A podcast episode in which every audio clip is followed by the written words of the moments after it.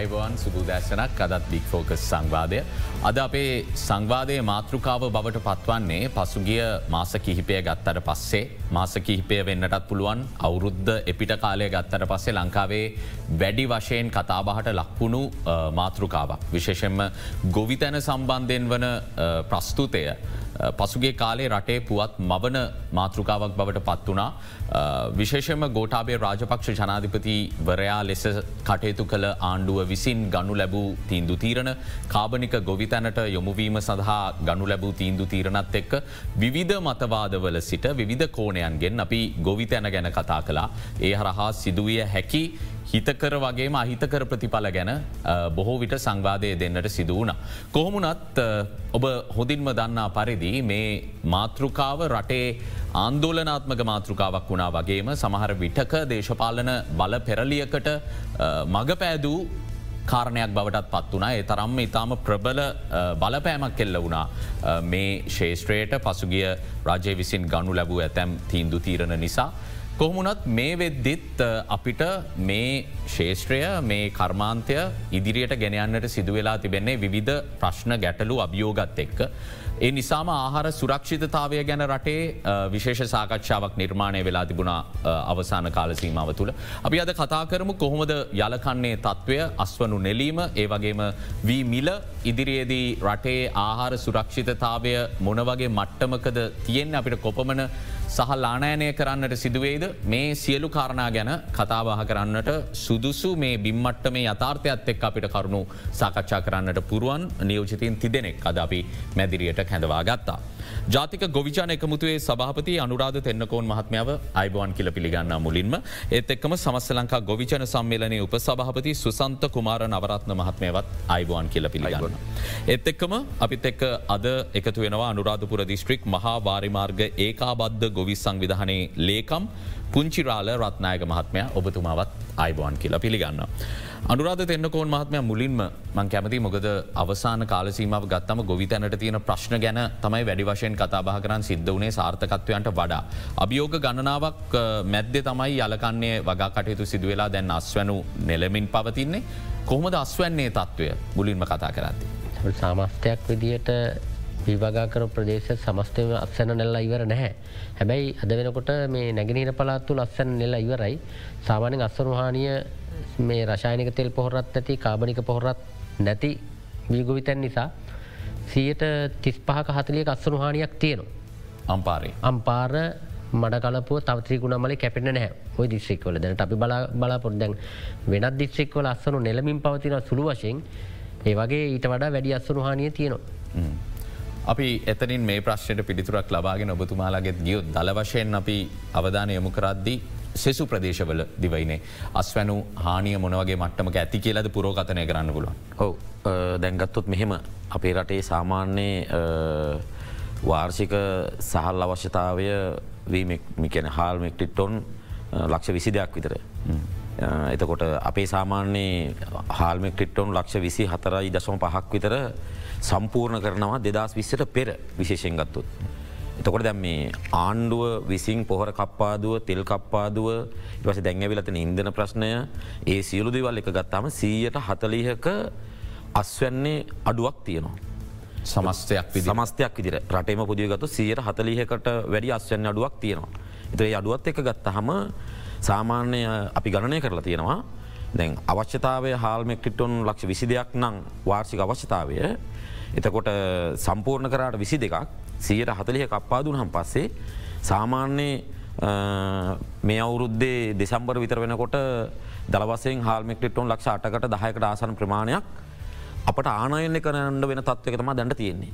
මොකද අපි දක් කෘෂිකරම මති මහින්දාමරවේ ඇමත්තුමාම කිව්වා දෙසම්බර වෙනකොට අපේ හාලිගයක් එනවා තකොට ඒ හිගය විසින් ඒ හිගේතකොට සපරගන්න කොහමදි කියල මහින්දමරව ඇමතිතුම කියන්නේ ඇත්තරම ගත්තොත් හල්මික්ටිට්ටොන් ලක්ෂ දායකට සන්ත්‍රමාණයක හිගයක් පුරපාඩුවක් තියන අනිවාරෙන් අපට ආනයන කරන්න වෙනවතම. ඔබතුමාගෙනුත් මේ සඳහ යමුණොත් පුංචිරල් රත්නායක මහත්මය කොමද අනුරාධපුර දිස්ත්‍රික්කේ තත්ත්වය අස්වැන්න සම්බන්ධයෙන් කතා කරද්දි. පළමෙම කලතුමත්ත මම දෙරනා එතනයට ඉතුතයන්තේ මකද මේවාගේ ගොයිය ලොකු අර්බුදයක වැදිත් වෙලා ඉන්න වෙලාවක මාධ්‍යාතනයක් හැටියට ගොයිනායකෝ ගෙනල්ලා පපෙට් එක් සාකච්ඡා කරලා මේ තියෙන අර්බුදමකක්ද කියන එක ඇතරම ලොක දෙයක් මොක දේක නිසාම නැවත වතවත් දෙරන ආයතන සිරුදනටම ස්තුතුවන්තෙන. ඒවගේම දැන් අද වෙනකොට සියට තිහක් විතර අනුරාධ ප්‍රදිස්ලිකේ ගුවන් අස්වන්න නෙලනවා. නෙල්වට ඉතින් ඒ තියෙන්නේ අර ප්‍රමාණය මත මකොද සියට පනාහේ හැටේ තම අස්වන්න තියෙන්නේ. ගොද මුල් කාලේතින් පොහොර නෑ තෙල්ටික නෑ යල් මාස්කන්න වගේ අර්බුදේ තිබන රුපියල් හතලිදාහට පොහොරාරගෙන තිනිසා ලොකු අර්බුදයක තිය නොමේ අවස්ථාවදේ. අස්වන්නේ අර්බුදේ තිය නොරට පුරාම. දැම් ආණ්ඩුව කියනවා එක්ටයාර හාරලක්ෂයක් හදල කියලා ඇමැත්තුම. හාරලක්ෂයක් වගා කරලා තියනවා. හැබැයි මේ හාරලක්ෂේම ආදාය මොය තත්ය තම තියෙන ලංකාවෙන්. ගැන වෙන හර ලක්ෂයක් වග කරම ලැබෙනස් වන්නයි මේකයි සංසන්ධනය කරන්න කරන්න අපි සාමාන්‍ය වසේ මාස්කන්නක ලක්ෂ අටක් හෙක්ටයාර් වගාවට යන ලංකාවම වී වගාව. එතොට එක සාමාන්‍යයෙන් අපි වස්සන්න බලාපොරත්වය අපි සාමානය අපි ගොයියන්ගේ පාසමකිවත් උසල් සීයත් එකසිය පනහත් අතර. නමුත් මේසර හෙක්ට ඇතකොට තම මේ රට අර්බුදය මේ නිර්මාණය වෙන්නේ. ඒකන දැන් ඒකෙන් භාගයක් කර ලාටලක් හෙක්ටය රටලක්ෂෙන් හාරලක්ෂයක් විතර කරපු අම ඒකනුත් අස්වන්නේ එන්නේ භාගය යට පණහක් විතට. එති ඒ පණහ විතර එනකොට රටේ හාල් හෙගේ හා ගොයිල් ලොක අර්බුදයක මැති වෙලා ඉන්න මේ පවතින වීමලත් එක් රජී. අනුරාධ තෙන්නකොන් මහත්මය ද එතනින් හටිගේම අස්වන්න අඩුවෙලා තියෙනවා වගාවට යොමුවෙන්න තිබ ප්‍රශ්නත් එක්ක. අනිත් පැත්තෙන් වියස්වනු නෙලා ගැනීමත් තියන්නේ අර්බුදය අපි හැමදාම් ප්‍රෘති විකාශයන් තුළින් දර්ශන දකිනවා. ගොවීන් පෝලිම්බල ඉන්න බූලි අරගෙන ගිහිල්ල නමුත් ඒක සෑහිමකට පත්වෙන්නට බැහැ මේ තමන්ගේ කර්තාවයුතු කරගන්න. දැන් කොහොමද මේ සම්බන්ධයෙන් ඔබතුමාලා සිදුකරපු ඉල්ලීම් පිළිබඳව බලධාරින්ගෙන් ලැබිල තියෙන ප්‍රතිචාරය. අපිටන් මහින්දානන්ද මහින්දාමරවීර අමාත්‍යවරයක් විෂකර්මතිවර ආවට පස්සේ අපිට සාධනය බලාපොරති ඉටුවෙන්න බෑ. අපිට කියන්න තින පත්වෙන මහින්දල ඔක්කොම එකද කියලා. එකන කෘෂිකර්මාන්තයට මේ ගොවියට සංවේද නැතුව ඒ සංවේද ප්‍රශ්නවලට හරිට උත්තර දෙන්නතුව වටන්ගේල්ල මාධ්‍ය සදර්ශන විතරත්තින ඉද නර්බුද හොඳ මුද වහරන්නේ තැන් අම්පාර දිස්ත්‍රකේ මඩකලප දිස්ත්‍රක්කේ ඉද නර්බුද නිසා අස්සනු නිලාගෙන හරි අර්බුදයකටාව මොද සතියක් දෙකක් තුළ අස්සනු නිල්වෙනත් ඉදනට හරිට සපයාගත්තේ නැත්තං ඒ සඳහා ප්‍රමුකතාවේ දෙන්න කියලා ඉල්ලිම් කර.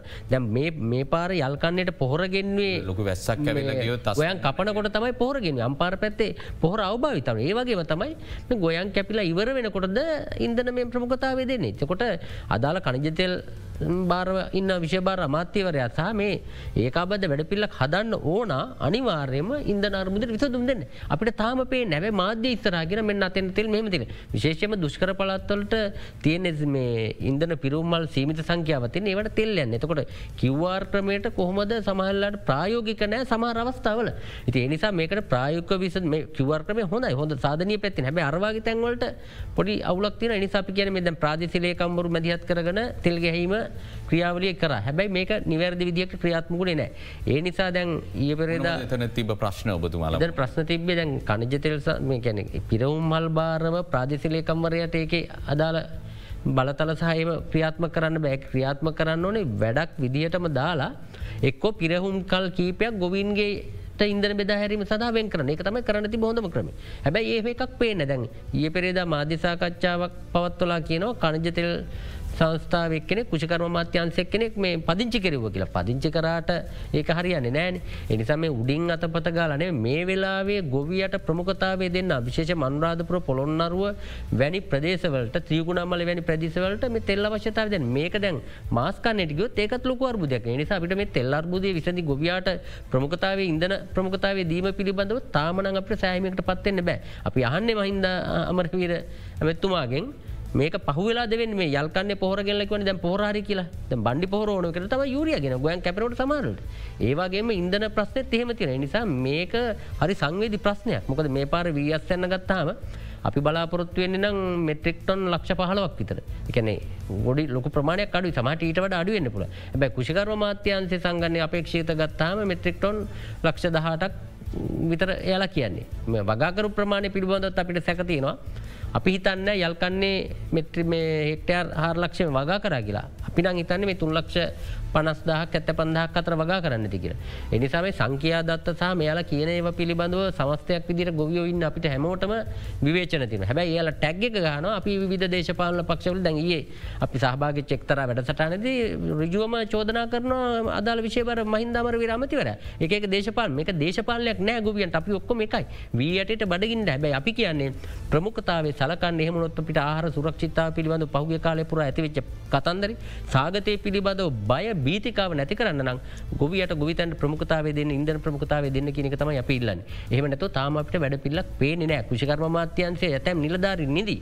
එනිසා ඇමතිවරයා දැන්තැන්වල ගිහිල්ල මේ සතියක් පාතා මාධ්‍ය සන්දර්ශන තිබ්බ කියලා මේ ප්‍රශ්න විසඳෙන්නේ නෑ. නවරත්න මහත්මය ගොවි නායකින් විදිට ඔබතුමාලාට රිජුව කෘෂිකර්ම අමාත්‍යවරයා සමඟ සාකච්ඡා කරන්න අවස්ථාවක් ලැබුණද එවැනි අවස්ථාවක් තිබුණ නම් මොනවද එහිදී සාකච්ඡාවෙච්ච කරුණු මීට අදාළව. ඕ විශේෂයෙන්ම මෙහෙමයි දැන් අපි මේ මෑත කාලයේ දැ මේ අලුතින් රටේ ලොක විරෝධයක් ආවාන්ලුවට පහුගේ කල්ම පොහර සානදර කප්පාදුව පුදු විරෝධයක්කාව පුදු සටනක් තිබ ජනතා සටනක් තිබා. එතර ඒකෙන් පස්සේ මේ ඇතිවෙච්ච ආණ්ඩුව සම්බන්ධයෙන් ජනතා කැමැත්තක් නෑ ජනතා කැමැත්තක් නැති ප්‍රතික්ෂේප කරපු ආණ්ඩුවක් බලහත්කාරින් දැම මේ නැවතින්නේ. ඉති මේ ගෙවිච්ච මේ මාසේ මේ ගෙවිච්ච මේ කාලසිමය ඇතුළ ඇතරම අපි විශේෂම අමාත්‍යවරය එක මේ සාකච්ඡාවලට සංවාදවලට ගියනෑ. නමුත් දැන් ගොවිනායකින් විදියට ඔබතුමාගේ තර්කය පිළිගෙන හෝ නොගෙන දැ මේ ආණ්ඩුව ව්‍යවස්සානුකූලව පත් වෙලා ඉන්නවාද? ජනමතය නැත්ත ඒ සියල්ලම ඒ මතය තිබිය හැකි. නමුත් දැන් කොහොමරි වැඩේ කරන්න වගකින් පැවරිලා තිය අමාත්‍යවරයක්කින් වන මතකට මේ අවශ්‍යතාට ඉටු කරගන්න ගොවි නායකින් විදිට ගිහිල්ල සාකච්ඡා කිරීම අත්‍යවශ්‍ය නැද බලපෑමක් කිරිය අවශ්‍යයි ඒක පිළිගන්න හැබැයි ප්‍රශ්න තියෙන්නේ විශේෂම දැම් එක පැත්තකින් කවුරුත් දන්නවා. සමස්ත ලංකා ගෝජන සම්මේල විදිහට අපේ නාමල් කටනු සෞදරලා පුරුණරගත්තොත් සරත් සෞදරලා අපි රටපුරාම අනිකුත් රටේ අනිකුත් ගොයි සංවිධාන මේ ගොයි ජනතාව වෙනුවෙන් විශාල මදිහත්වීමක් කරමින් ඉන්නවා. හැබැයි අමාත්‍යවර විදිහත් වගකීමක් තියෙනවා. ගොවි ජනතාවගේ ප්‍රශ්න වෙනුවෙන් කතා කරන ඒ ගොවි සංවිධාන එක් සාකච්ඡා කරලා තීරණ ගන්න. හැබැයි අමාත්‍යවර විශේෂම තීරණ ගන්නේ. එයාලට හිතලු එයාලට ඇගෑලුම් පාන ඒ පුද්ගලයන් පිරිසෙක්ක විතරයි. එතුර ප්‍රශ්න තින නොතන දැන් ඇතර මේ තෙල් මේ දෙනකට අදාලව ගත්තොත් එෙම දැන් අක්කරේකට ගොයන් කපන්න තෙල්ලීට දොළහයි දෙන්නේ. අපට ප්‍රශ්නයක් තියෙන තර කවුද මේක ගණන් යදුව කියලා. මොකද භූතයාමසින් එකින් අක්කරයකින් මේ අක්කරේකට ලීට දොළහ දිලා ගොයන් කපන්න බෑ. සමහර කුඹුරු එරෙනවා. ඒවට ඩීසල් පහලව විස්ස යනවා තියෙනවා. එතකොට ඔය අමාත්‍යවරට හිතුන් නැද්ද ගොවිය ගොයන්ටික කපාගත්තාම වීටික ගොයන්ටික වෙලේ දන්නද. ප්‍රවාහන කරන්න තකට විලේද කරේතියාගෙනද. ගේනට ඇට්‍රේට ඩීසල්ලු නැද්ද. දැන් විශේෂයම එන්නකොන් මහත්මයා නවරත් මහත්මයගේ මම ප්‍රශ්නයමයෙන් දැන් ඩීසල් අවශ්‍යතාවය දෛනිකව අපේ රටේ වාහන සම්බන්ධෙන් ගත්තත් මෙට්‍රික්ටොන් පන්දහස් පන්සියක හයදාහක යන්න ඕන ප්‍රමාණය. දැන් දෙන්නේ තුන්දහස් පන්සියයි හාරදාහකට අඩුවෙන්. ඒක මේ කෝටා සිිස්ටම්ය අද්දාල මේ කරන්න වෙලා තියෙන්නේ. විශාල ප්‍රශ්නයකට රට තල්ලු කරලා තියෙන්නේ. තියෙන. නමුත් දැන් ගොවීන් විදිහට මේ තත්ත්වත් තේරුම් අරගෙන මොකක්ද ප්‍රායෝගිකව ඉදිරිපත් කරන වැඩ පිළිවල මොක දැන් ඔය දොස්දාහ දෙන කතන්දරෙත් එක අනිත් හැම තැන්ටම අඩුවෙන් ලැබෙන් ලැබෙන් ඕනි ධරිතාවට වඩ අඩුවෙන් ලැබෙන. තකොට යෝජනා කරන්නේ දින දෙකට තුනකට හෝ සෙසුවාහනවලට නවත්වල හරි මේ වැඩේ කරගැනීම කියන ප්‍රායෝගික තත්වද අපිට පැහදිලිකරොත් මොකක්ද රිජු ඉල්ලීම කියන එක. ඕ දැම් මෙහෙමයි. රටේ පුදුවේ ගත්තොත් හැම ව්‍යාපාරයක්ම හැම සේෂ්‍රැකින් පවතින්න ඕනේ. ඒක හරි ඒක පිළිගන්නවා. හැබැයි දැන් මේ ආහාර නිෂ්පාදනය ප්‍රවාහනය ශුරක්ෂිතතාවය කියන එක ගත්තාම රටේ ඉතාමත් ප්‍රධාන වසයෙන් සැලකිල්මත් වෙන්න ඕන කාරණ. ඒක විසින් ප්‍රශ්න ගණනාවක් දැන් නිර්මාණය කරලා තියෙනවා. ආහාර සුරක්ෂිතතාවේ සහ අවශ්‍ය දේවල් නිෂ්පාදන නොවන විසින් අදගත්තොත් අපි හලා තියෙන සාමාන්‍යයේ දවසකට ආසන වසෙන් මහිතන පහුගි දවසල් ප්‍රෘතියක් ගයා හතලිස් දාහක් සේලයින් ගන්නවා මන්ද මිකැල්වීමේ ආහාර ප්‍රශ්නය නිසා. එතර බරපතල කේද වාචකයක් අනිවාර තකොට මේක මේ ජාත්‍යන්ත්‍ර සංවිධාන පවා කියල් තියෙන ජාත්‍යන්ත්‍ර සංවිධාන පවක් කියලා තියෙන්නේ. එතර දැන් ඒ තත්ත්වයක් නිර්මාණය කරුව අපි හන්න මේ රටේ මේ ගොවි ජනතාවද සාමාන්‍ය ජනතාවද. නෑ. එසම් මේ හිටපු පාලකව. ඒකට වග කියන්නුව. එසා දැන් ආහාර නිෂ්පාදනය පැත්තෙන් ගත්තහම ගොවීන් විදි අපට ඉල්ලන්න තියෙන්නේ රටක් විදිහට පොහර සහනාදර කප්පාද කරනකට අපි වේලාසනින් කිව්වා අනිවාරෙන් සාගතයක් කෙනවා එලෝළුමලි ඉහල යනවා අනිවාරෙන් පිටරට මේට වැඩි හාල්ටි ගෙන්න්නට වෙනවා කියන අපි කිව්වා. එතකොට දැන් ආණ්ඩුවක් විදිහට මේකට අනිවාරයෙන් ප්‍රමුඛතාව දෙන්න මෝනි. මේකින් කියන අනිත්‍යව නවත්තන්න කියන එකනමී. තොර ප්‍රධාන ප්‍රශ්නයත්ත මොකද මේක ප්‍රධාන කාරණාව ගත්තුත්. අපේ රටට දැන් එන ඩොලර්ටික කළමනා කරණය කරන්න ඕනි. හැබැයි දැන් එන ඩොලර්ටික නැවත ආපහු අපේ එකන්නේ පුච්චලා දහනය කරලා වෙල්ලා ඉවර කරනවන. නිෂ්පාදනය පැත්තර විශේෂෙන් අතතිය නැත්තම්. මාස්කන්නක් ගැන මාස්කන්නවත් අපේ නිෂ්පාදනය වැඩිකිරීමට අදාළව දැංගිදලා ආණ්ඩුවට ප්ලෑන් එකක් නැත්නම්. මේ අර්බුදේ තව තුන් හතර ගුණයකින් ඉස්රහට අනිවාරෙන් වැඩි වෙන. එනිසා කෘෂිකර්මාන්තය ආශ්‍රිත නිෂ්පාදන ආර්ථිකයකට අත තියන්න මෝනේ අපේ රටේ මේ බිඳ වැටි චාර්ථිකය නැවත ගොඩ ගැනීම වෙනුවෙන් ආහාර අවශ්‍යටිකට නිෂ්පාදනය කර ගැනීම වෙනුවෙන් සහ අපේ රටේ ජනතාවට බඩගින්නේ නැතුව පෝෂදා ආහාර වෙලක් ලබා ගැනීම වෙනුවෙන්. පැහදිලි යනුව පැහදිරුවම ඉල්ලා සිරින ගොවිනායකෙන් විදිට ආණ්ඩුවෙන් ප්‍රමුඛතාවය ලබා දෙන්න ඒක කරන්න කොමද කියනෙක් ගැන තීරණය කරන්න පුළුවන්. ආණ්ඩුවම තමයි ප්‍රමුඛතාවය ප්‍රමුඛතාව කියන. පුංචිරල් රත්නායක මාත්මය අනිත් ප්‍රශ්ි තමයි දැම් මේ නිෂ්පාදන වියදම. මොකද අපිට පැහැදිලි රුපියල් තුන්සිය පනහට තිබ පෝරමිටිය රුපියල් තිස්දාහකට වැඩියෙන් අරන්දැන් ගොවිතැන් කරන්න ගියට පස්සේ මිලට අපිට තවදුරටත් ගොවියගෙන් වීගන්න බැහැ. නිෂ්පාදන වියදම එදා සහ අද තත්ත්වය සංසන්ධනාත්මක බලලා අපේ බලාගෙන ප්‍රේක්ෂකට පැහදිලිකරොත් කොහොමද මේ වැඩි වෙලා තියෙන්නේ කියලම කැමති. ඇත්තරම මේතරේ ව්‍යල්කන්නේ පිස්පාදන වියදම වැඩි වෙලා තියෙනද අපිට පෞගේ කාලයෝ ඉන්දන ප්‍රශ්නය ඉදගත්තොත් ඉන්දන රුපියල් එකසිය පනස්සතට ඩීසල් තිබ්බේ. එතකොට අක්කරයක් කාණ්ඩ ටැට්ටරේකට රුපියල් දහදාහයි. අපි රුපියල් හතලිස් පහට පහටතම වී දුන්නේ කාලේ. තකොට කපන්ඩ දහදාහයි ගොයන් කපන මැසින්න එක භූතයට. තොර දහදාහයි තකොට ඒ ඒ අඩු වේදමකින් තම අපි ඒටික කරගනාවේ දැම් මේ යල්කන්නේදින් මේ ඉන්දන ප්‍රශ්නයයි තේ පොහොර ප්‍රශ්නයයි තෙල් ප්‍රශ්න. එතකොට වල්නාසක තෙල්බෝතලයක් දහත්දස් පන්සීයයි. යුරිය මිටියක් රුපියල් හතලිස් දාහයි. තොර අපි ඒ සියල්ලුම අපිට දැගේ කියන ගොයියට ඒ අවස්්‍යය කරන දවී ඔක්කොම ගණන්ගේල්ලති අන්ඩුවෙන් එක මිටියක් රුපියල් දාදාහකට දහදාහකට දෙනවා එකමිට ඒක දුන්නේ අපි යල්කන්නේ අවසානකාරන්නේ සාමාන්‍ය ගොයම් බණ්ඩිවාගේ ඇමතිවර ඇත්ත අපි සාකච්ඡා කර. අපි මහවා අපි වාරිමාර්ග හා සුළුවාරිමාර්ග මධ්‍යම කියන රාජ්‍ය ගොයි සංවිධාන හැබැ අපි නිර්පාක්ෂයකයි කිසිම රජයක අපි එම සම්බන්ධ දන්න රාජ්‍ය ගොවි සංවිධාන ලක්ෂ ගානක් සාමාජකුන්න කෝටි ගාන සල්ලි තියනවා. අපි අපි ඩොලර් නැතුනට සල්ලි තියෙනවා. රජප එක වගේ. හැම. ගොයි සංවිධානක ලක්ෂ විසිපහ තිය තියෙනවා. තොට ලංකාවම ඒ මහවැට කලාපයි මහවාරි මාර්ග තොට දැන් අපි දැන් අපිට මේ වෙනකොට එකයි පනස්තුනක් නිෂ්පාදන මේදන් අඩුමතින් ශ්‍රමදායකත්වය නැතුව. ශ්‍රමදායකත් ගතදැන් අපේ ශ්‍රමය අපි දවස් මාස හතරක් දුක්විදිනවා. මාස හතරක් ගොජ අපේ වෘතිය මේකන. අපිට වෙන ෘතියක් නෑ තවට අපි අපේ දරුවට සෞඛ්‍ය අධ්‍යාපන මේ සියලු දේම අපි මේ ගොවිතන හරහතම අයන්න අපි කෑම්බීම ඔක්කොමටික පාසුකන්ටික ඇඳුම පව. එතකොට දැන් අපි මාස හතරක් එක කන්නක ඔය කාරය ඒදෙනවා කුමුරේ. ඒ කාරය යෙදකොට දැන් අද කම්කරුවගේ බට කම්කරුවට රුපියල් දෙදස් පන්සිය වෙලා. තුර ඒ ගාන කරතුත් මේ කලින් මහත්ත දැන් අපි යූරය මිටිය හතලි දයිම මේ සරලෝ කියන්නේ. යූරය මිටිය හතලිදදායි හාන්ඩ පනත්දහ එතනම අනුවයි. ඊළඟට තෙල් බෝතලි සොපිත් කියනක වල්නාතක තෙල් බෝතලි දහත් පන්ස එක්ල එක්ල සද්දා.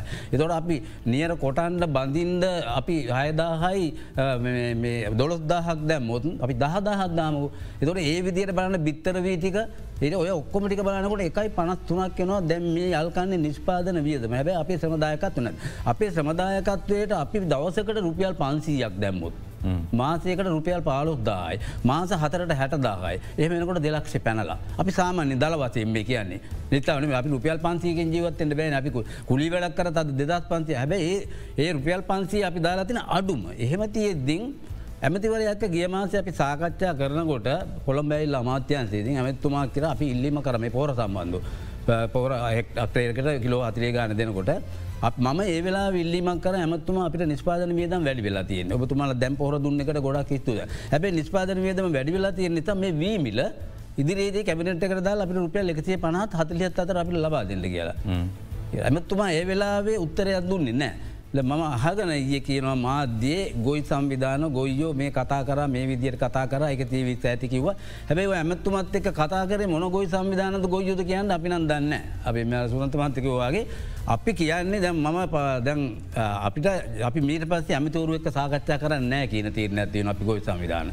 එකන අන්රාපුර දිස්ත්‍රිකේ තම කඳු මහත්තයා ලංකාවේ වැඩිම වී වගාව කරන්නේ. අම්පාර මඩකල්පු කුඹුරු ප්‍රමාණය තිබ්බට මහවාරිමාර්ග එකොළහත් තියනවා උතුරමත පලා තෙතම වැඩිම. මහවාරිමාර්ග එකොළහ අන්ඩාපර දිස්ත්‍රික සුළුවාරිමාර්ග හොඩි වැව් තුන්දස් හයසී යාර දාකට කිට්ටුව. තොට වැඩිම වී නිස්පාදනය කරන්න. අපේ මේ මහපොල කොස්සටයක් කාල විසිකරපුවම් පැළවන මේ රත්තරම් පොළබ කුසි ආර්ථිකය ගොඩනගන්න කිසිම වැඩ පිළිවෙලක් නෑ කල්තු මත්තමකි. අපි කැන් නිදාන්ද අපි සීජලාගේද අපි අපි අඩුම ගසය ගත්තුවත් එදදාත්ම සුද්දගේ කාලෙන්දලා මේ වෙනකං අපේ ගොයියගේ ඇහුවොත්තේම අද ගොයිය ඉන්ඩෝනේ හුද ගයක් හදාගෙන. කාරකක් ඉස්සරහ තියාගෙන. පෝවිල් ටැට්ටරය අතියාගෙන. හැබැයි මේ අවුරුදු දෙසීයක් විතර මේ ගොවිතැන් කරන පරක්‍රම් බව රජරුවග කාලින්ද ලැන ගොයියා තාම එක්කම තැන. අද තරුණ පරපුර එන්නේ නෑ මිතුන්ගෙන පරම්පරාව අපෙන් පස්සේ ගොවි තැන. උපාධිධාරින් ලවුරුද්ධකට දහදාහ අපි උපකල්පනය කරලා පිට වෙනවනම් විශ්වවිද්‍යාලෝලික්. මේ ගොවිතැන හොඳ කළමනා කරන ජාතික ප්‍රතිපත්යක් ඇදිල කළමනා කරන කොර මේ රට රැකිය ප්‍රශ්න විසිදෙනවා ගොයික තරුණුව යනවා ගොවිතැනට ඇ අද අපිට ගොවිතැන එපා වෙලා තින්න ඒ නිසා තම කල්ලුමත අපි කියන්නේ දැන් අපි සාකච්ඡාවත් දෙනවනං ඔබතුමාල කිව්පාකාරයට අපි කැමැත්ත හෝ අකමැත්ත මත රජයක් තියෙනවා. ජනාධිපතිවරයකින්නවා ජනාධපත්තුමාගේ විතරයි අපි සාකච්ඡාව කිල්ලා තියෙන කිසි මැතිවර එක සාකච්ඡා කරල වැඩන්න. ඔබතුමාල රුපියල එකසිය පණහක් කිල්ලන්නේ. එකසේ පනහත් හතලි හතර මේ කන්නට. අපි කියන්නේ කනතුමත මේ කන්නට. අපේ නිස්පාදන බීඩම වැඩි නිසා අපිට දෙන්න එකසිය පනත් එකසි හතලියත් අතර. එන මාස්කන්නේ අපි කියන්නේ එන මාස්කන්නේදී අපිට සියලු පහසුකන්ටික දෙන්න අඩු මුදලට රුපියල් තුන්දස් පන්සියට තිබ තෙල්බෝතල දහදස් පන්සියන තුන්දස් පන්සියට දෙන්න ඒ තමාගංගොල කතාගල. පොහොර ටික සහන පදනවට නිකං එපා අපිට. ටැට්ටරකුලි මේ භූතයකුලි ඩීසල් ටික ඒ සියලු පහසුකන්ටික අපිට යම්කිසි මට්‍රමකට දුන්නොත් අපි එදාට රුපියල් සීයට නෙමේ අසුවටත් අපි වී දෙන්න කැමති අර සහනතික අපිට දෙනවනම් මුදලට. හැබැයි මේ චීනි බෝලේ ඉඳලා සෑම බඩුවක්ම ගනාංගීලා තියන මේ වර්තමාන යුගයේ මේ ආණ්ඩුව ගොයියගෙන් තම පාරිභෝගයට සහනාධාරය ලබා දෙන්න හදන්න හල්ලුරට පල්දුමත්තය. ඒක අපිට කරන්න බෑ ඒක රජයේ වගකීම. අපේ වීටික එකතිය විත්තට අරගෙන දෙතිය විත්තට හාල්ටික දෙන්න දැ මෙතන මේ මහමෝල් හිමියෝන් එක කතා කරන ම ඒක කතා කරන නොබ්ජව. ඇත්තම ගත්තුත් ම ලංකාවේ පොළොන්නට විතින මහ මෝල් හිමියෝ ද මේක හැම දාමෙන අද වෙනකොට රටින් හාල් ගේනවා. දැන් අපි කන්න කපනකොට හැමදාම රටින් හාල්ලෙනවා එතකොට මේ හාල්ටික එනකොට අපි මොකද වෙන් ඉතින් මේ අද රුපියල් අසූවයි අසූපහයි අනුවයි අනුපහයි වී. දෙන්නකොන් මහත්මයා මහමෝල් හිමියන් ගැන කතා කරපින්ද අපි දැක්ක මීට මාසකට පමණ පෙර මාධ්‍යසාකච්ඡාවකුත් තියලා මේ හාල්මිල අඩු කරානේ මහමෝල් හිමියන් ඒ අනුව ඒ හරහාම ස්භාවිකම වීමිල අඩුවීම සිදුවෙනවා. යනු මේක රජය විතරක් මැදිහත්වීමෙන් සිදුවුණු දෙයක්ද පෞද්ගලිකංශයේ ව්‍යාපාර ඒකාධිකාරයක් තියෙන මේ ඇතුළේ. ඒ අනුව ඔවුන් මැදිහත් වෙලා කරපු දෙයක්ද කියන එක සම්බන්ධයෙන් කෙනෙකුට අපහැදිලි නම් මොකක්ද තියෙන උත්තරේ. මෙතන ඉස්සරලාම කියන්න ඕනේ දැම් බඳුලගුණවර්ධන වෙළ දමාත්‍යවරය ඉන්නකොට ගැහ්ව ගැසට් එක. සහල් මිල රුපියල් අනු පහ නාඩු ඒ විදිට ගැහ්ව. ඒක මිල විකෘතිය. එකැනේ වීමිලට සාපේක්ෂකෝ හල් කිලෝක් නිෂ්පාදනය කරන්න වී කිලෝ එකයි දසමහයක් යනවා. එතකොට මිල විකෘතියක්. ඊට පස්සේ මොකද කර? ආපව ගැසට් එක රිවස් කර. ඊට පස්සේ මහ පරිමාණ මෝල්ලිමියෝ වැඩිමිලට හල්විකුන්න මේක තමයි මෙත අර්බුදට හේතු නිශ්චිත දැන් ඔය අනි කොමටු හදනවා මිල තීරණය කරන්න මේව කරන්න හදන කෞද මේ අනි කමුටුවල ඉන්නේ. අඩු ගානේ දැන් වී සම්බන්ධ දැන් ඒ කියනවා අමාත්‍යවරයා අනුකමිටයෝගලු වී සඳහා මිල තීරණය කර. අපි යන්න කෞද මේ අනුකමිටන්නේ මේ සීතකාමර ඇතුලේ ඉන්න වක්කඩක් අඳුරන්න නැති නියරක ඉපනැල්ල ඇවිදිට දන්නති යොකෝටික් දාගන මේ අනුකමිට හදල මිල තීරණය කරන්න දුන්න ඒක නිසා ඒ ප්‍රයෝක ගැටලු ටිකත්තින නිසා මාත්‍යන්ස නිලධාරින් බලධාරින් මේ අනුකමිටුවල ඉන්න අය මේ ගොවි සම්විධාන නියෝජිතයෝ ගෙන්න්න ගන්නන ඊට පස්සේ අනිත ඊට පස්සේ වනේ මොකද මේ වෙළඳ පොලේ මිල බස්සන් මේ ඒකාධිකාරය තියාගෙන මහ පරිමාණ මෝල්ලිමිය දහයක් දොලක් මිමියන ඒ කට්ටිය පහුගිය කාලය අපි නොබියව කියන්නේ හාල් ගැනීමට සම්බන්ධය. හාල් ආනායනය ගෙනලා තමන්ගේ මෝල් පදිත්තුල හාල් ගෙනල පොලිස් කරලත් මිලද පොට දැමමිල්ට එතකොට හාල් ගෙන්න්න එත්තයාලා අපිට කියන්න පුළ හේතු සාධක සහිත. ඒම කරේ. එතකට මොකද කරන මේ හාල්මිල පාලනය කරන ඒකාධිකරණය කරන කව් මේ රටේ වෙළඳපලට සහල් අවශ්‍යතාවෙන් සියයට විසි පහත් තිහක් දාන මහල් මෝල් හිමියයි. එතකට කුඩා මධ්‍ය පරිමාණ මෝල් හිමිය තමයි වැඩිපුරම සියට හැත්තවක්තර මේ රට සල් නිෂ්පාදන දායකත්තෙන් හැබැයි කුඩා මධ්‍යම පරිමාණ මෝල් හිමිය අද වෙනකොට පොලෝට සමතලා කරල වෙරයි අද හයදස් ගානක තිබ කුඩා මධ්‍යම පරිමාණ මෝල් අද වෙනකොට තින් දාහකනත් ආසන ප්‍රමාණය. ඉස්සර ග්‍රාමිය වශයෙන් අපි හල් නිෂ්පාදනය කර. හැබැයි මේ නිෂ්පාදන ක්‍රියාවලේ බිඳ වැටව. කුඩා මධ්‍යම පරිමාණ මෝල්හිමියන් අමාත්‍යන් තුළත් නයදීමේදී නයෝජනා කරම දීමේදී එයාලා මුදල් කළමනා කරන පිළිබඳ යම් යම් ගැටලු තියෙනවා. හැබැයි මේක හරියට නියාමනය කළ මුදල් අමාත්‍යන්සේවත් අර ආර්ථික ගාතක නිලධාරින් හිටිය පිවිජය සුන්දරල වගේ. කරේනය හරිට නිසා මේ රටේ කුෂිකර්මාන්තය සහ සාල් නිෂ්පාදනය මුළුමනින්ම බිඳ වැටීමේ සියුම් කුමන්ත්‍රණයක් ඉතාම ශෝක්ෂ විදියට වුණා. විතිහාසය පුරාම ගෝටාබේ රාජපක්ෂ ජනාධපතිවරගේ ආණ්ඩුව තමයි ගොවියට විනකර පුළුවන් තරම් මේ රටේ කුෂිකර්මාන්තය විනාස කිරීම. දැන් රශායනික තෙල්පොහොර තහනමත් එක් අපි දුන්න උපායමාර්ග සැලස්මක් මධ්‍යම කඳුකරින් පටන්ගන්නු දැන්කපු දැන්නූල් වගේ වැඩත්තමයි පටන්ගත ඒ නිසා මේ රටේ ආරශකරක්ෂතාවේ මුළුමනින්ම බිඳ වැටල මෙවැනි අර්බුදයකට ඇවිල්ල ගොවියා නැත්තටම නැතිවුණ ගොවි පවුල් වී ගොයි පවුල් විසිලක්ෂයක්කින්න අද වෙනකොට යන නවන්න. අපි අවුරුදු ගිය අවුරුද්දේ උකස්කරපු රත්තරම්බඩු ලක්ෂකඩන් රත්තරම්බඩු සින්න වෙලා. අවුරුද්ධ සිංහල අවුරුද්ධට කණඩ ජතකොට මේ හාල් අර්බුදය ගොඩ නැගවේ මේ ආණ්ඩුව පැහැදිලිම. අදාළ වෙළඳ අමාත්‍යවර කුෂිකර්ම මාත්‍යවර මේ ඔක්කොම වක් කියන්නු. එතකොට මේක මහා පරිමාණ මෝල්හිමියෝන් අතට ගත්තා. අතට අරංවිල යාලට ඕනෝන විදිට තමයි මේ වකරේ. ඊට පස්සේ සහල් මිල පාලන මේ දෙපාශවම වග කියන්න පැහැදිලියම දෙපාර්චයෙන් වකෙන් මේක මේ ගොල්ල අතර වෙන දීල් එකක්ද කියලා අපිට සමහරලාට ඉතන හොද අපි තබදුරටත් මේ ගැන කතා කරම අපිට කෙටි විරාමයකට යොමු විය යුතු ඉක්මනින් යළිත් හමුණ. අද බික්‍ෆෝකස් සංවාදයේදී අපි සමස්ත ගොවිජනතාව මුහුණ පස් සිටින ගැටලු ගැන සාකච්ඡා කරමින් සිටින්නේ. මෙ වෙද්දී විශාල දුෂ්කරතා ගණනාවකට මුහුණ පස් සිටිනවා ඒ හරහා මේ වන විට ගොවිනායකින් හරහා රජයට අවශ්‍ය බලධාරීන්ට බලපෑමක් සිදුකරමින් සිටිනවා ඔවුන්ගේ අවශ්‍යතා දිනා ගැනීම සඳහා. සුසන්ත කුමාර නවරත්න මහත්මය දැන් අවසාන කාලසීමාව තුළ වීමිල එකසිය හතලිට ගිය අවස්ථාවේ විශේෂම විධ පාශව කීපගත්තම මේ අසාමාන්‍ය මිලක් මොකද පවතින හිගේ සහ සෙසුකාරණ මූලික් කර ගැනීමින් තම මේ එකසි හතලියක් තියෙන්නේ. නමුත් හැමදාම මෙහම එකසි හතලට යන තත්වක පාරිභෝගිකයන්ට හල්කන්න වෙන්න නැහැ කියලා. ද අනුව දැන් අද ඔබතුමාල යලිත් එකසිය හතලිය සිට එකසිය පනහදක්වා මිලක් අනිවාරෙන් ඕනෙ කියලා කියනවා. මේක ඉල්ලිම අසාධාරණයි කියන ප්‍රතිචාරයට මොකක්ද ඔබ දෙන උත්තරේ? විශේෂෙන්ම මේ කියන්න ඕනේ කවින් මහතද මෙහෙම. දැන් එකක් දැ එකසේ විස්ස නාඩු මිල තීරණය කරන්න සහතික මිල. ඒකට චුට්ට කියන්න ඕනේ. එකසි විස්ස නාඩු එකසේ විසි පහ සම්බා කීරි සම එක සිතිහයි. තර මේ මිල තීරණය කරන්න විශේෂෙන්ම මහින්දාන දැමතිවරයක මැදිහත් වෙන්නේ අපේ විරමතවර මේ මහින්ද අමරවීර ඇමතිවර මැදිහත් වෙන්නේ ඉතිහාසය පුරාවට උනේ ගොවිය ගොයන් කපනකොට මහමෝල් හිමියෝ කීප දෙනාට වී ස්ටෝක් එකක් ගන්නවා ඉතාම තඩු මිලට. තකොට දැන් මේ වෙනකොට අසූ පහට අනූ පහට සීයට තෙත වීටික ලබා ගැනීම වෙනුවෙන් තමා ආණ්ඩුව මේ සහතික මිල දාන්නේ. දැන් ඔය ඇරලා තියෙන ගබඩා. අපි කියන පුළුවන් ගබඩා පුරුල පින්නන් ගොවියෝ ගෙන් නෑවී ගොය වී ගේන්න මොක අනිවාරෙන් දන්නවා මේක හාල් හිගියත් තියනවා වීහිගයක් තියනවා නොයම්බර් දෙසම්බරනකට වීම ලිහලයනවා.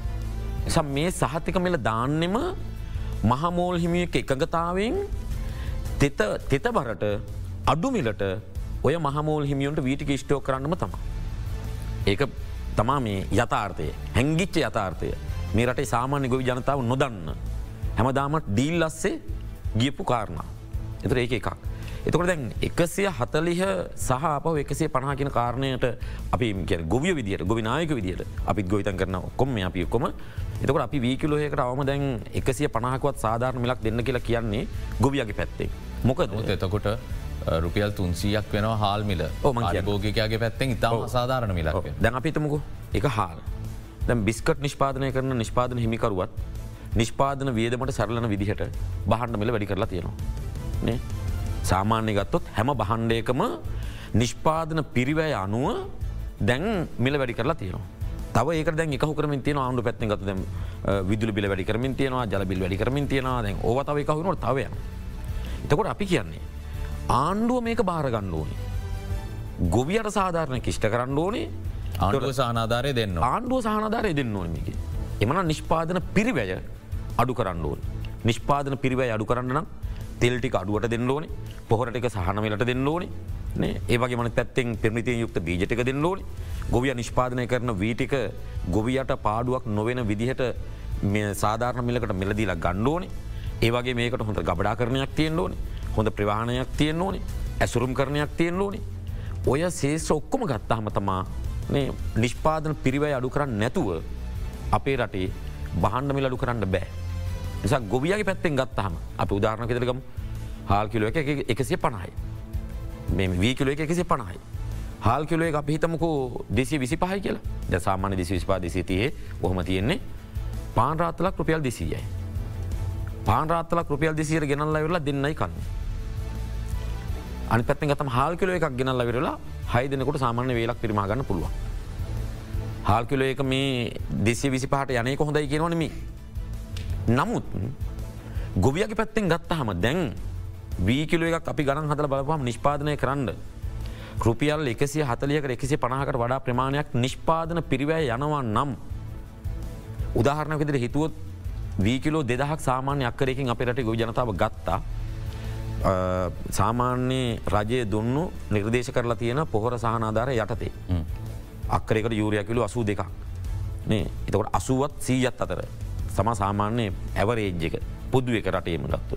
එතු ඒතත්වයක් ඇතුළ අපි කිලෝ දෙදහයි කියලා හිතුවොත් දැන් අපට හම්බ වෙන්න වී කිලෝ දාහත් එක් දස් දෙසියත් අතර ප්‍රමාණයක්. වී කිලෝ දාහක පාඩුවක් තියෙනවද. ගොවියට. දාහත් අටසීයකත් අතර පාඩුවක් දැන් ගොවියට තියෙන පැහැදිලි. එතකොට ඒ අටසීයක දාහක පාඩුවට කවුද ගිවන්නේ. එතකොට දැන් වීකිලෝ දාහක් නිෂ්පාදනය කරන්න.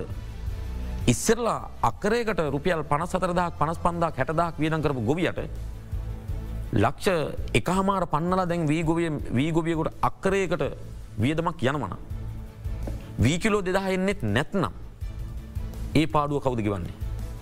අපි ගැන්නේ පාඩුව රජය ගෙවන්න ඕනේ. මොකද මේකේ සල්ලි බාග තියන කෙන කොහම යුරිය මිටිය කරගෙන හතලිස් දහට අතරිස් දරගෙන ගැහවා. එයාගේ කුමරි සමහට විබසල් හැත්තව කසුවක් පැහුණ. එය අධික වියදමක් කරලා වෙරලා ඒකින් යම් ආදායමක් ගත්තා. අස්වන්න ගත්ත කෙමු හැබැයි මේ වෙනකොට පොහොර මිටියක් අරගෙන ගහගන්න බැරි ගොවිය. මෙතුම කිවගේ රුපියල් දහදහට දහදස් පන්සිර දෙන වල්නාසක බෝතලයක් අරගෙන වල්මර්ධනය කරගන්න බැරිවිච්ච ගොවියාට. බරපතල පාඩුවක් වෙලා තියෙන. ඒ පාඩුවට කවුද ගවන්නතකොට. සපි බොහොම වගකීමෙන් කියන ආණ්ඩුවට දැන් මේ ආණ්ඩුව වෙන කතා කියල වැඩක් නෑ. ඇමතිවර වෙන කතා කියල වැඩක් නෑ. සැදැන් රටේ සමස්ත ගොවි ජනතාවට මේ යල්කන්න ගත්තොත් පාඩුවක් වෙලා තියෙනවා. අපි සමස්ත ලංකා ගෝජන සම්මේල විදිර විශේෂෙන් කියනවා. මේ පාඩුවට වන්දියක් අනිවාරෙන් ආණ්ඩුව ලබා දෙන්න මෝනේ මොකද එවනට අර මහකන්නේ වගා කරලා දෙනවා කියපු වන්දිත්තාම වන්දිදුන අත තියලත්නෑ හරද? දැන් රටට තෙල්ගේන්න බැරි ප්‍රශ්නය ඩොලර් නැතියකන රටේ රුපියල් නැතියකන මීන මේ රුපියල් ෝන් තියනවා තියනවත් හොරකන් කරන වංචා කරනවා නතින් ඒවට සලස්මක් නැතිකමන මේ තියෙන හැබැයි රුපියල් ආර්ථික ආර්ථික අර්බුදයක් තියෙන එක හරි පිළිගන්න ඒ ආර්ථික අර්බුදය අස්යරි මේ යල්කන්න මෙහ මඩුවෙනවා කියන්නේ අනිවාර මාස්කන්න මේ ඉන්දන ප්‍රශ්න ට වඩයින. මොකද ගොයන් කපනකොට පැහිල තියන කුමට තෙල්ටි හම්බුන් නැත්තම් වෙලාවට සතියක් පහ වෙලා පැහි කරවෙලා කපාගන්න පුළුවන්. හැබැයි මේ හෙක්ටයාර සාමාන්‍ය ලක්ෂ අටකට වඩා ප්‍රමාණයක් මාස්කන්න කුමරු වෙන සාමාන්‍ය ගොඩරලු මහාවාරි ඊට පස්සේ මේ වතුවල අහස්දියෙන් කරනවා ඔය ඔක්කොම ගත්තොත්. එතකොට මේ ඔය විදිහට තෙල් සහනාධාරදිීලවෙරලා මාස්කන්න කුමරු වගා කරන්න බෑ. මොකද පලවෙනි හි හාලවිර වෙලා ආපව සමාරයට සතියක් එක හමාරක් දෙවිනි හාගණ්ඩ ගොවියට තෙල්ටික පෝලිමේ ඉඳලා ගණ්ඩනම් වෙන්නේ අපි සාමාන්‍යයේ සති තුනක් හතරක් ඇතුළත මඩට වීයට දාපු ගොවියු. හැබැයි මේ යන විදිහට මේ ඉස්සරහින මාස් කන්නේ සමහර විට වපුරගන්න මාස එක හමාර්ග දෙහෙක තුනක කාලයක් යයිදි කියලා කියන්න බෑ මොකද තෙල් ඉන්ද්‍ර නැති ප්‍රශ්න ප්‍රධාන කාරණය.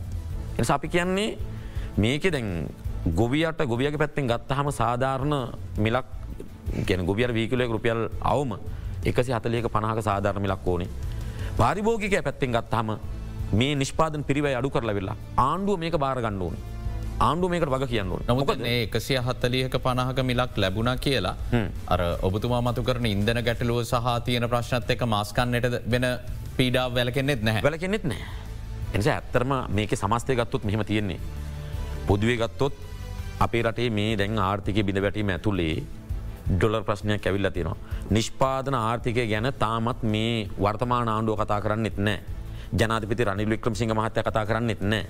මහින් දමරවීර ඇමතිවරයා මාස්කන්නට පෝරගෙනවා කියලා කිවට අක්කරේකට කිලෝ විස්සත් දීල වෙර වෙලා පහු දැන් අකරයට කිලෝ විස්සත් දෙන්නේ. අක්කරක යුරිය කිලෝ විස්සද්දීල වෙරලා වීපුසල් අසුවක් සියක් පාසන්න බෑ. යථාර්ථ ඒක මේ අහම්බෙන් වැව් ඉහත්තාව ගැන වැවක් පල්ලෙ හතියන ඔක්කොම පොහට හෙදිලයින කුමරක සමාරයට වීබුසල් මේ පොහට කහුවෙන කුමරක ඕකටයක් සාර්ථක වෙන්න පුළුවන් හැබයි ඒක පුදුනිය දියනමි රටේ ගත්තුත්. හොදයි අපි කතාකරමු තවදේවල් තියෙන විශේෂම දැන් සහල් ආනෑනය කිරීම සහ ආනෑනය කිරීම සම්බන්ධයෙන් තියෙන මතවාද. මේ තියෙන පිරිවෑ සහ වියදම ගත්තර පස්සේ ආනෑනය කරලා සහල් කනයක ලාබද කියල ප්‍රශ්න මතුවෙන මේ අපි අහමු. කෙටි විරාමයක් ලබාදේ.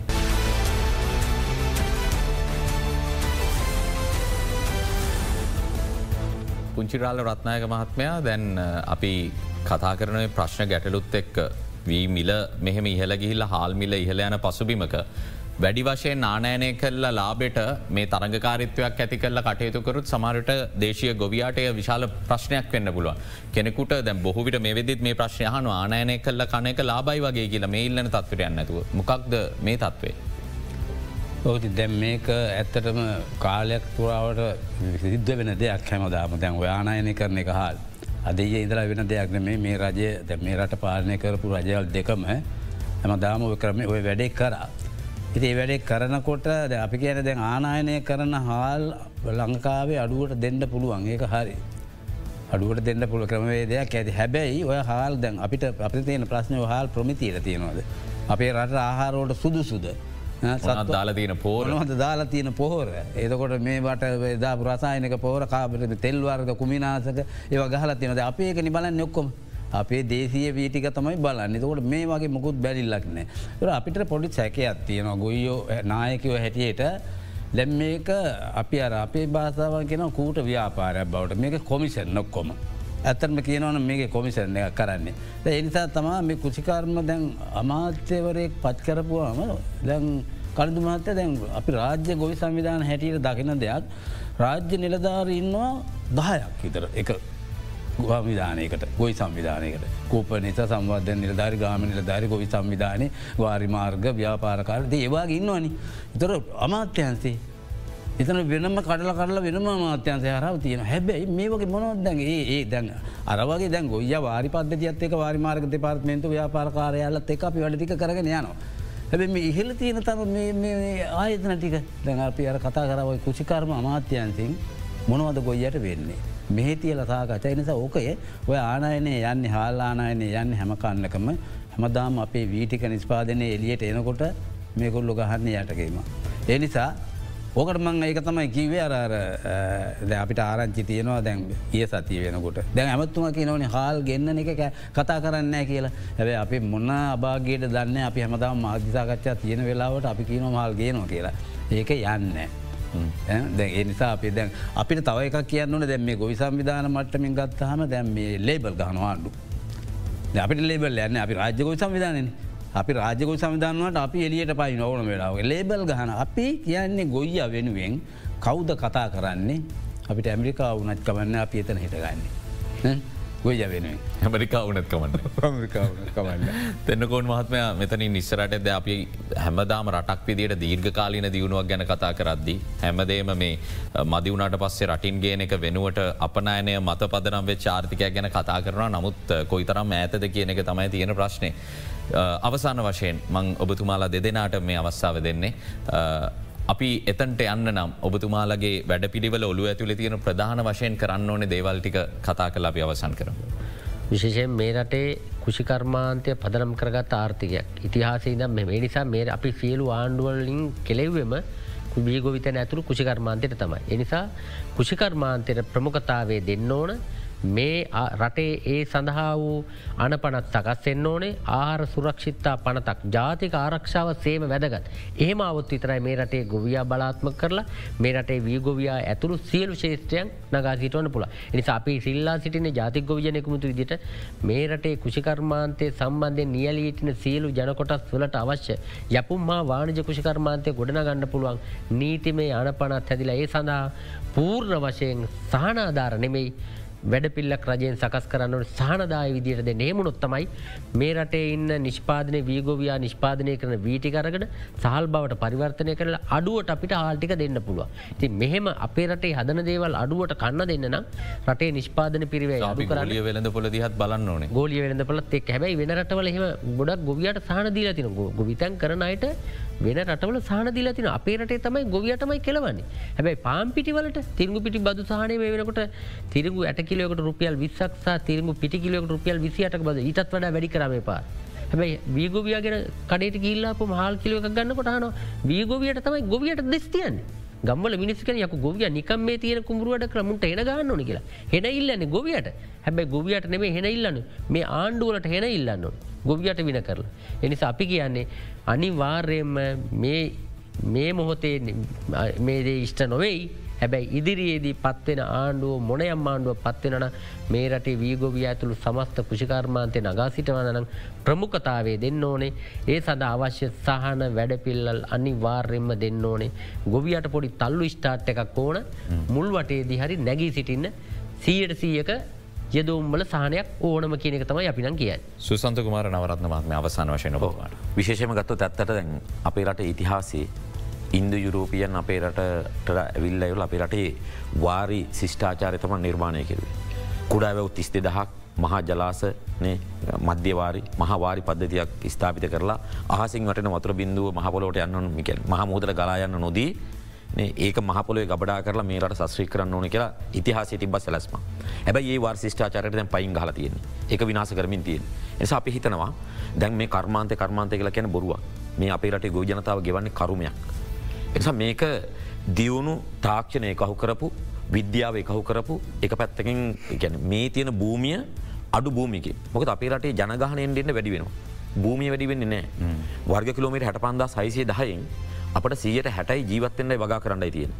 එතකොට මෙන්න මේ තියෙන භූමිය අපි හරියට සැලසුම් කරන්න ඕන. එකන් මේ තියෙන භූමියෙන් අපි වඩා වැඩි අස්වන්නක් ගණ්ඩ සැලසුමක් ඕනේ ඒකට තාක්ෂණ එකව් කරන්න ඕන.